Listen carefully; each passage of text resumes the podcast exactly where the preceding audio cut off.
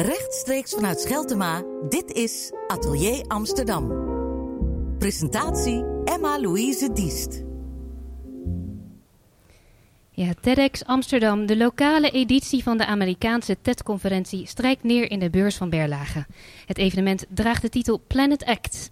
Want het is tijd voor actie. Tijd om in te grijpen, tijd de handen ineen te slaan en de aarde te beschermen. En om ons voor te bereiden storten we ons vandaag in de actualiteit, de politiek, de journalistiek van nu. En dat doen we samen met een van de sprekers van het evenement, journalist, schrijver en Amerika-deskundige Zal Groenhuizen. Welkom in Atelier Amsterdam. Ben er graag, leuk. Ja, een evenement geheel in het teken van onze planeet, de aarde. Ja, groter kan het onderwerp eigenlijk niet. En uh, ja, dit is tijd voor actie. Geen tijd meer om na te denken, we moeten iets doen. Zie je dat zelf ook zo? Ja, absoluut. Ja, wat natuurlijk gelijk tevoorschijn springt is klimaat. Uh, ik ben hier door stroom de regen gekomen, dus het was ook een, een, kleine portie klimaat. Nee, maar ik denk dat Planet Act, dat ik neem een half continent voor mijn rekening, eh, Noord-Amerika, Verenigde Staten. En dat is op zich al groot genoeg. En dat is buitengewoon actueel als je kijkt naar eenvoudig het klimaat. Het debat in Amerika met aan de ene kant de Republikeinen, met aan kop Donald Trump uiteraard, die zegt die hele klimaatcrisis is allemaal onzin en is verzonnen door de Chinezen. Dat is het ene uiterste. En aan het andere uiterste uh, toch heel veel, en een groeit uh, aantal Amerikanen, met name ook jongeren, millennials zeg maar, tot, tot begin 30, die zeggen er moet nu echt iets gebeuren. En daar zit een ook gelijk kolossaal politiek conflict. En dan zit je met één stap zit je bij de verkiezingen van 2020 voor een nieuwe president of geen nieuwe president. Ja, dus er moet iets gebeuren en uh, daarin kunnen we het niet alleen. Dat hebben, Amerika komt meteen om de hoek kijken. Je zei al, het uh, klimaatprobleem. Um, je bent heel optimistisch, ook in het nieuwe werk wat net is verschenen. Alles gaat voorbij, zelfs Donald Trump. Ja. Daarin ben je heel positief. Maar als we kijken naar de actualiteiten, als we het nieuws zien langzamerhand wil Trump zich, gaat zich terugtrekken uit de klimaatafspraken. Dat is niet echt een optimistisch beeld wat we daar zien. Mhm. Hoe hou je dan toch dat optimisme? Nou, om dit hele concrete voorbeeld te nemen. Ja, Donald Trump stapt uit het uh, klimaatakkoord van Parijs. Uh, de Verenigde Staten is daarmee het enige land ter wereld dat dat doet. Nou, dan zou je denken inderdaad wat je zelf zegt terecht, uh, zou je pessimistisch worden. Wat ik ook morgen in mijn TED-talk uitgebreid zal behandelen. En dan gaat het over klimaat, maar bijvoorbeeld ook over vuurwapenbezit of gay marriage of ongelijkheid en dat soort kwesties.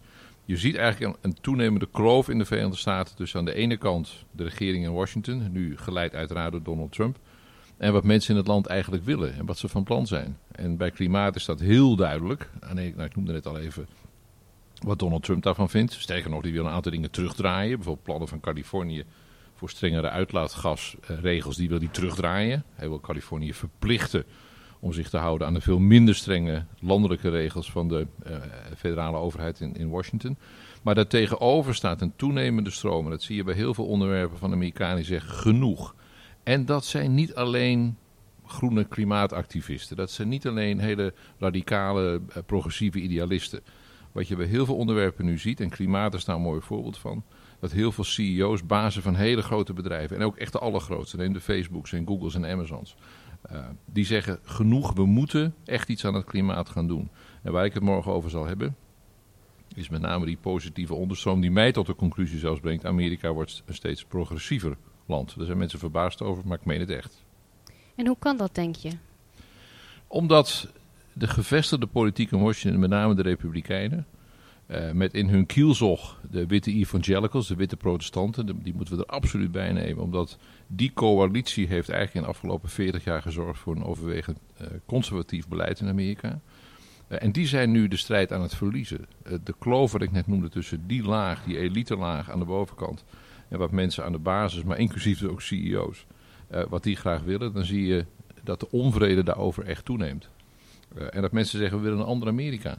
Uh, en daar is tot nu toe is daar weinig ruimte voor. Zie je ook weinig in verkiezingsuitslagen terug. Hoewel in 2018 bij de midterm elections de Democraten een geweldige overwinning behaald hebben.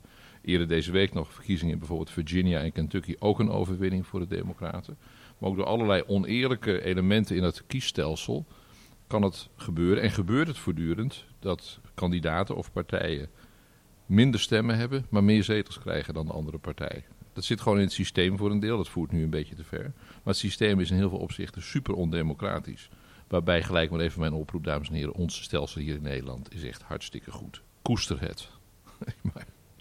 Ja, want je hebt het inderdaad, je hebt verschillende systemen en ook verschillende manieren waarop wij uh, onze politiek benaderen en de journalistiek daarbij. Mm Heel groot verschil, denk ik.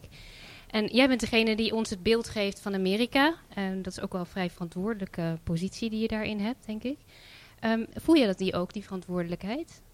Nou, de verantwoordelijkheid is in zoverre dat ik probeer heel erg uit te zoeken wat er nou echt aan de hand is. Uh, en dat met feiten te onderbouwen. En daar heb ik een boek over volgeschreven nu. Uh, en dan, ja, ik kan tot geen andere conclusie komen. Ook rondreizend in Amerika. We hebben afgelopen zomer weer een week of acht rondgereisd. Bijvoorbeeld uh, ruime maand in Colorado. Nou, Colorado is een prachtig voorbeeld van een staat die ingrijpend veranderd is in de richting die ik net noemde. Colorado was ooit hè, een mountain state, een co conservatieve republikeinse staat.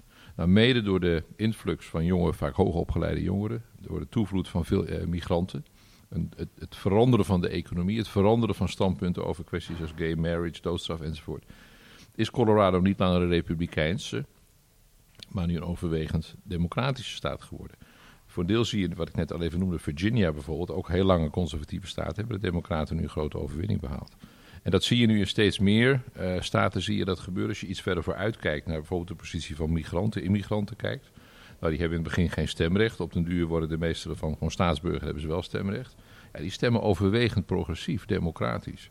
Als je wat verder vooruit kijkt, is die onderstroom van progressiviteit is onmiskenbaar. Uh, en als ik republikein was, zou ik ervan wakker liggen. Maar je, je, zegt al iets tussen de regels door. Als ik republikein was, dat ben je dus niet. dus jouw, niet, nee, jouw nee. blik is dan dus eigenlijk vanuit de democraten. Ben je niet soms bang dat je daardoor iets wil zien wat er misschien nog niet helemaal is? Ja, dat zou kunnen. Uh, dat, dat moet je nooit uitsluiten. Daar moet je kritisch op blijven. Als mensen dat tegen je zeggen, moet je ook nadenken of ze gelijk hebben. Ik hoor dat weinig overigens. Ik hoor wel van mensen die heel boos zijn op social media dat ik niet het Trump-verhaal vertel. Nou ja, dat is dan maar zo. Ik, ik kom daar ook voor uit. Ik zeg, ik zou nooit op Trump stemmen. Ik zou ook niet republikein stemmen. Maar om hele simpele principiële redenen. Dat ze zich heel lang verzet hebben tegen gay, gay marriage bijvoorbeeld. Nou, dat is voor mij zo'n principieel punt. Uh, dat is zoiets van acceptatie van mensen of niet accepteren van mensen zoals ze zijn. Met de Bijbel in de hand dan. Hè? Nou, dat staat zo ver van me af, daar zou ik nooit op kunnen stemmen. Maar natuurlijk, is het, natuurlijk is het altijd. De journalistiek is kiezen. En dit is voor een deel een journalistiek werk wat ik geschreven heb. Ik schrijf het ook een beetje als journalist. En natuurlijk is er dan het, risico dat je, dat je eenzijdig wordt. Maar ik heb wel heel. Ik, bijvoorbeeld, als je, als je het hele boek leest, zul je zien dat ik op een aantal punten ontzettend kritisch ben over de Democraten. Ook tot op de dag van vandaag. Als je naar de kandidaten kijkt, zijn er twee van de drie nu echt aan kop staan. Uh, Bernie Sanders en Elizabeth Warren zijn, naar mijn oordeel, zijn ze echt links. En het zou kunnen gebeuren wat in 2016 gebeurde. Uh, dat ze op zich hadden moeten kunnen winnen van Donald Trump, maar het niet deden. Puur vanwege de kandidaat, omdat de helft van het land Hillary Clinton haatte. Kun je van alles van vinden, maar het is wel een feit. En nu zou het kunnen gebeuren dat veel kiezers, met name gematigde kiezers, zeggen: Wij vinden Elizabeth Warren, waarvan je nu kunt zeggen: Nou, behoorlijke kans dat die de kandidaat wordt. Ja, die is naar mijn oordeel voor veel kiezers gewoon te links. En waarin is zij te links? Nou, zij, zij bijvoorbeeld haar plan voor gezondheidszorg, uh, wat op zich een heel, niet onredelijk plan is. Het probleem is alleen dat de gezondheidszorg in Amerika zo verrot is. Uh, en zo ontzettend veel te duur. Dus alles wat je daaraan doet, in de richting van een stelsel, bijvoorbeeld zoals wij dat hier in Nederland hebben. Ja, daar gaan gigantische bedragen in om. Dus één, twee. Schop je tegen een aantal heilige huisjes aan en ga je gevestigde belangen ga je aantasten. Die zich met volle kracht zullen gaan verzetten. Dus om die, die, die, achterstand zeg maar in te halen. Maar dat geldt ook bijvoorbeeld heel simpel voor infrastructuur. Reis rond in Amerika. Ja, je hebt goede vliegvelden en mooie stations enzovoort. Maar de bulk wegen, openbaar vervoer is echt verschrikkelijk. Echt heel slecht. En om dat in te halen heb je een investering nodig waarvan vervolgens rechts zegt dat lijkt wel socialisme. Ja, dan zit je eigenlijk zit je volop in het debat op het moment dat je gaat zeggen, luister, Amerika is het enige westerse rijke land dat geen stelsel heeft van zorgverzekering zoals wij dat hebben. Of Engeland of Frankrijk of Denemarken, dat verschilt natuurlijk. Maar een vergelijkbaar stelsel. Mensen gaan in Amerika massaal failliet door ziektekosten. Als jouw familielid kanker heeft uh, en de verzekering loopt af, dan kun je gewoon failliet gaan aan de bestraling en de chemotherapie. En dat gebeurt elke dag. Nou, dat is in Nederland ondenkbaar. In Amerika gebeurt het voortdurend. En als je dat wil oplossen, heb je ja, inderdaad vrij radicale plannen nodig. En denk je dat dat mogelijk is in het stelsel wat ze dan nu hebben? Want je zegt ook, um, wellicht is daar wel belangrijk voor dat er ook wordt samengewerkt. Ja. Uh, Trump is daar niet zo van, om het uh, maar zacht uit te drukken. Nee. Um, ja, zijn er dan mogelijkheden? Nou, het, ten aanzien van zorg het, is het naar mijn oordeel wel lastig om dat op korte termijn te doen. Het heeft Elizabeth Warren wel gezegd, hoor, dit is geen plan voor de komende vier jaar, maar voor veel langere termijn. Het, het, systeem is te verrot om te kunnen veronderstellen dat je dat wel even oplost. Dat is gewoon niet zo. Uh, wat wel, en dat is hoopgevend, dat beschrijf ik in mijn boek ook uitgebreid, de jonge generatie, de millennials, dat loopt op pakweg 35. En de generatie daarna alweer, Generation Z, dat zijn de jonge twintigers. Als je leest wat die willen, wat die vinden, bijvoorbeeld ongeveer de helft van die jonge generatie staat niet negatief tegenover socialisme. Socialisme in Amerika, het walhalla van het kapitalisme, ja. Dan denken ze waarschijnlijk aan toch een beetje een systeem zoals wij het hier ook kennen met sociaaldemocratie. Dat is niet Sovjet-Unie of China of Cuba. Maar het is een, een, een land waarin eerlijkheid meer voorop staat, ongelijkheid vermindert, waarbij mensen geaccepteerd worden zoals ze zijn. Uh, en die jonge generatie, dat zijn de leiders ik zou bijna zeggen niet van overmorgen, maar van morgen. En, en dat gaat nu al eigenlijk. Voor deel van, nu al. En dat gaat echt snel. Als je naar de politieke agenda kijkt die nu actueel is in Washington, even los van al het gedoe rond de impeachment van Trump, daar heb je gelukkig nog niet naar gevraagd. Uh, maar die politieke agenda is echt aan het verschuiven. De, de mate waarin er nu over klimaat wordt gesproken, de mate waarin er nu ook over ongelijkheid wordt gesproken, dat is echt een verschil met 4 en 8 en 12 jaar geleden bij vorige presidentsverkiezingen. Dat is echt een verschuiving in de richting van meer progressiviteit. Ja, je hebt het over de millennials en zelfs de generatie die daarna komt. Ja, die hebben een hele andere taal, denk ik, die ze met elkaar spreken. Uh, het is ook niet de taal die jij spreekt, wellicht in eerste instantie. Hoe heb ze je... lezen ook bijna geen boeken, dus ik denk dat weinig millennials of Generation Z mijn boek leest. Nou, daar, daar, gaan we veranderingen in brengen. We zitten in Scheltema.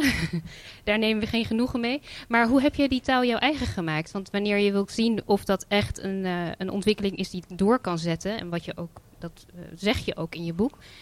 Hoe heb je dat gedaan? Nou, voor een deel heel eenvoudig, omdat uh, wij hebben drie kinderen in die leeftijd, uh, midden twintig. en twee daarvan wonen ook in Amerika.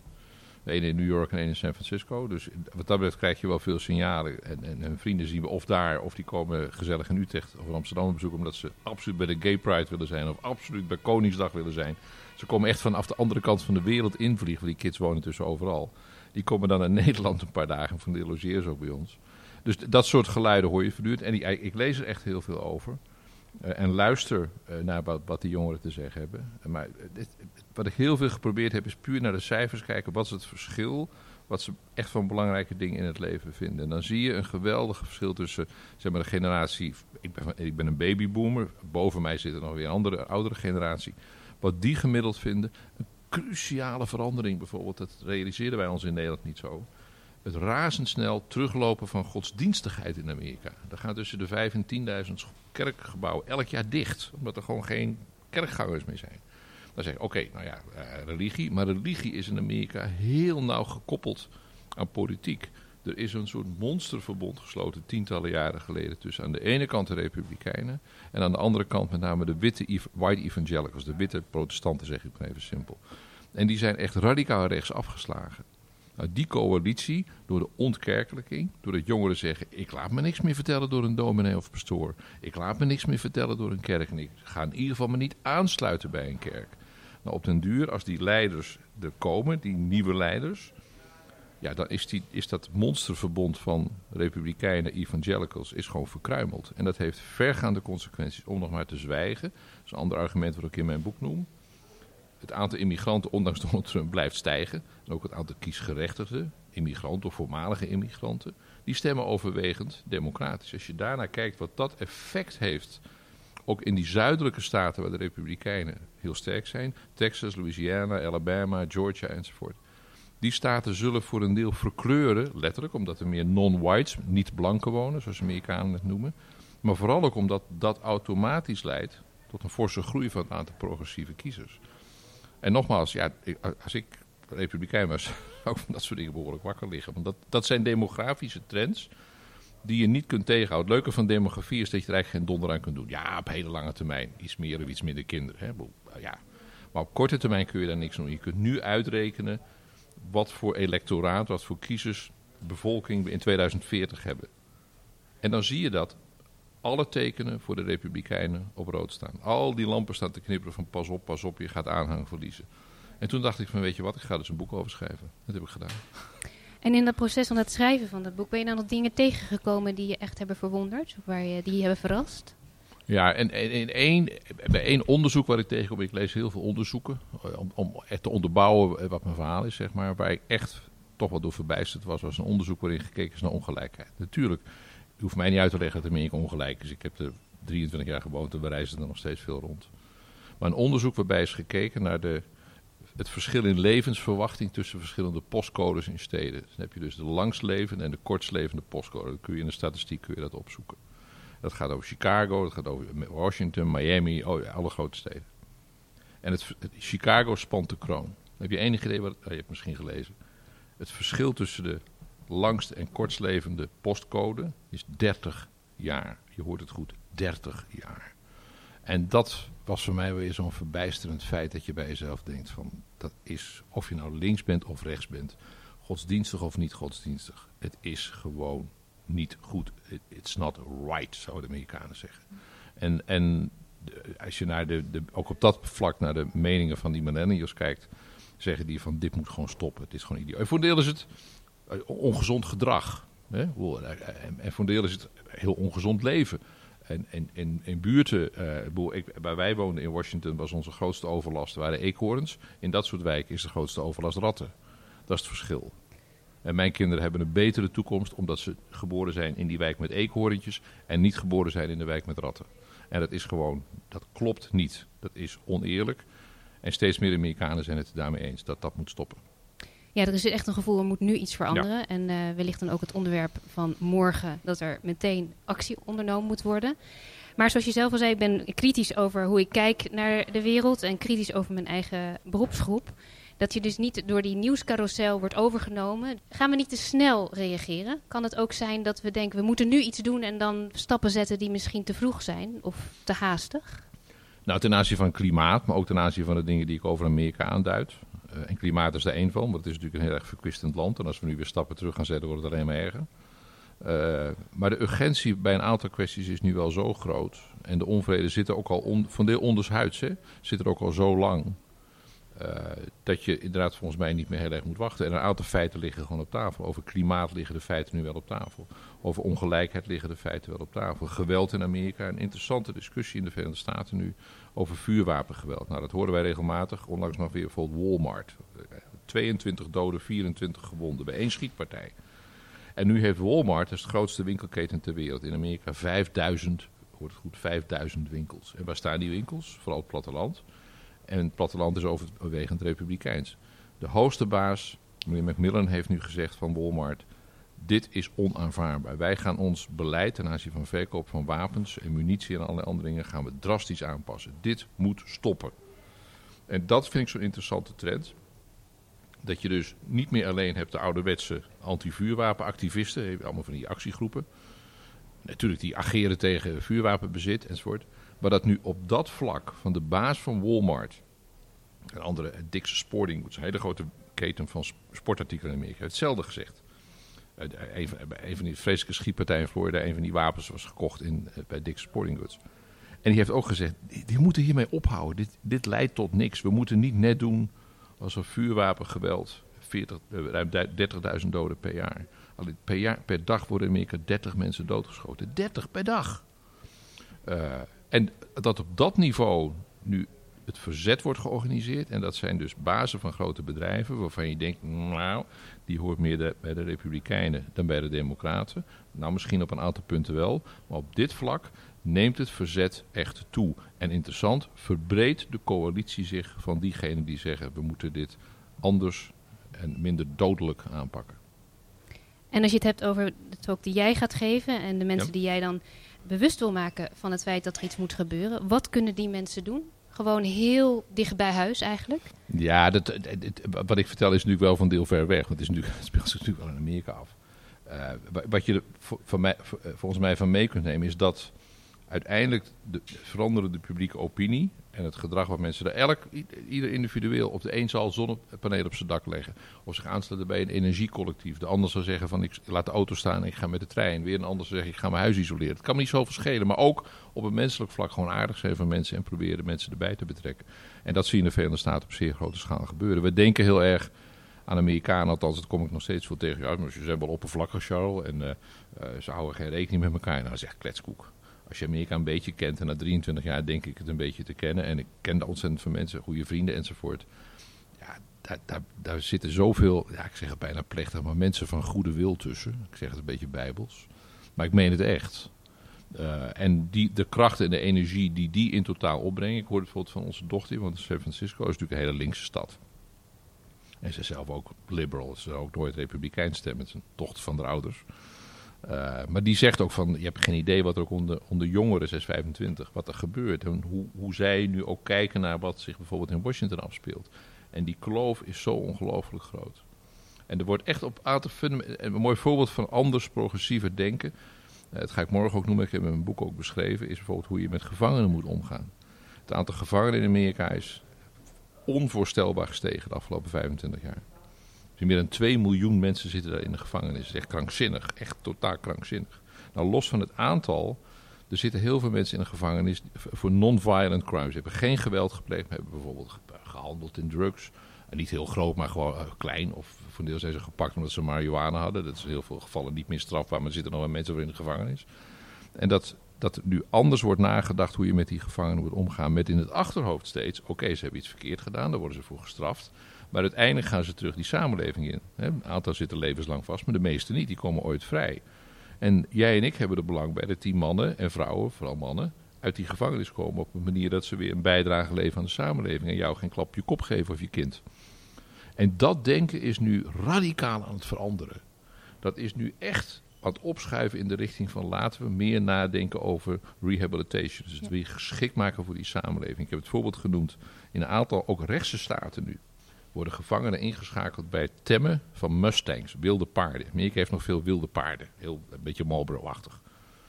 En wat dus elke keer blijkt, ook in Colorado bijvoorbeeld, uh, is dat als die mannen dat gedaan hebben, en wat heb je nodig bij het to break in a horse heet het, het temmen van zo'n paard. Uiteindelijk worden ze verkocht ook, kun, kun je er gewoon op rijden.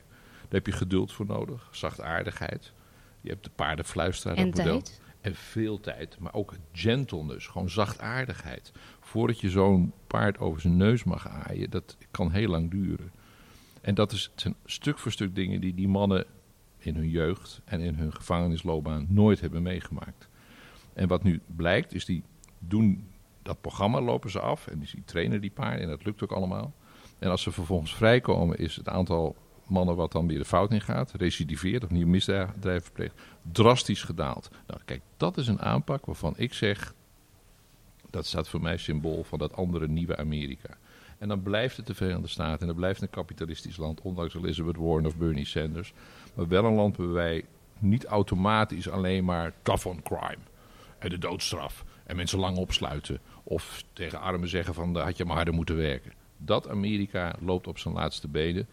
En de hoop voor mij is gevestigd op de jonge generatie die dat echt anders aanpakt en het op dat vlak met deze oude man eens is. Kijk. En dan beschrijf je dus even die revolutie. En in je boek zeg je dan stille revolutie. Ja. Maar als ik het zo hoor, uh, wordt die steeds minder stil. En uh, gaan we ja, luisteren. Uh, ik, ik, noem het stille revoluties ook omdat het in de media naar verhouding weinig aandacht krijgt. Wat ik beschreef over het teruglopen van godsdienstigheid, wat zo vergaande consequenties heeft, even los van mensen individuele, individuele keus. En er zijn ook progressieve christenen, hè, maar de meeste niet. Maar er wordt eigenlijk heel weinig over geschreven. Het is natuurlijk elke dag, en dat is ook van mijn kritiek op de media, de dagelijkse gekte en de ruzies en de conflicten. En de laatste tweet van Trump en de laatste leugen van, en, enzovoort. Dat is prima, daar moet je ook vooral over blijven schrijven, dat is het nieuws. Maar ik vind het in de totale beeldvorming van Amerika, de dingen die ik in het boek heb proberen te beschrijven, dat die eigenlijk heel weinig aandacht krijgen. En dat vind ik jammer. Maar jij bent ervoor om ervoor te zorgen dat we inderdaad daar wel naar luisteren. Naar die revolutie die nu bezig is in Amerika. Ja. Morgen bij TED Talk mensen kunnen komen. ja, absoluut. En zodat we ook een beetje luisteren naar die zachtaardigheid die er nu gaande is in Amerika. Waar we misschien ook wel wat kunnen, van kunnen leren hier in Nederland. Ja, ja, ja zeker. Uh, maar we, we, tegelijkertijd blijf ik ook alsmaar zeggen, we hebben het in Nederland, ik noemde, ik noemde net zorg, ik noemde het acceptatie van homo's. Wij hebben op dat vlak, veel van die vlakken, infrastructuur, liggen we echt voor op Amerika. Wij doen het in Nederland in heel veel opzichten, laat ik het voorzichtig zeggen, zo slecht nog niet. En ik bedoel eigenlijk, we doen het in veel opzichten doen we het hartstikke goed. Ja. Mogen we ook wel eens gezegd hebben. Zeker. Heel fijn om optimistisch af te sluiten. En uh, ik wens je ontzettend veel plezier morgen bij TEDx Amsterdam.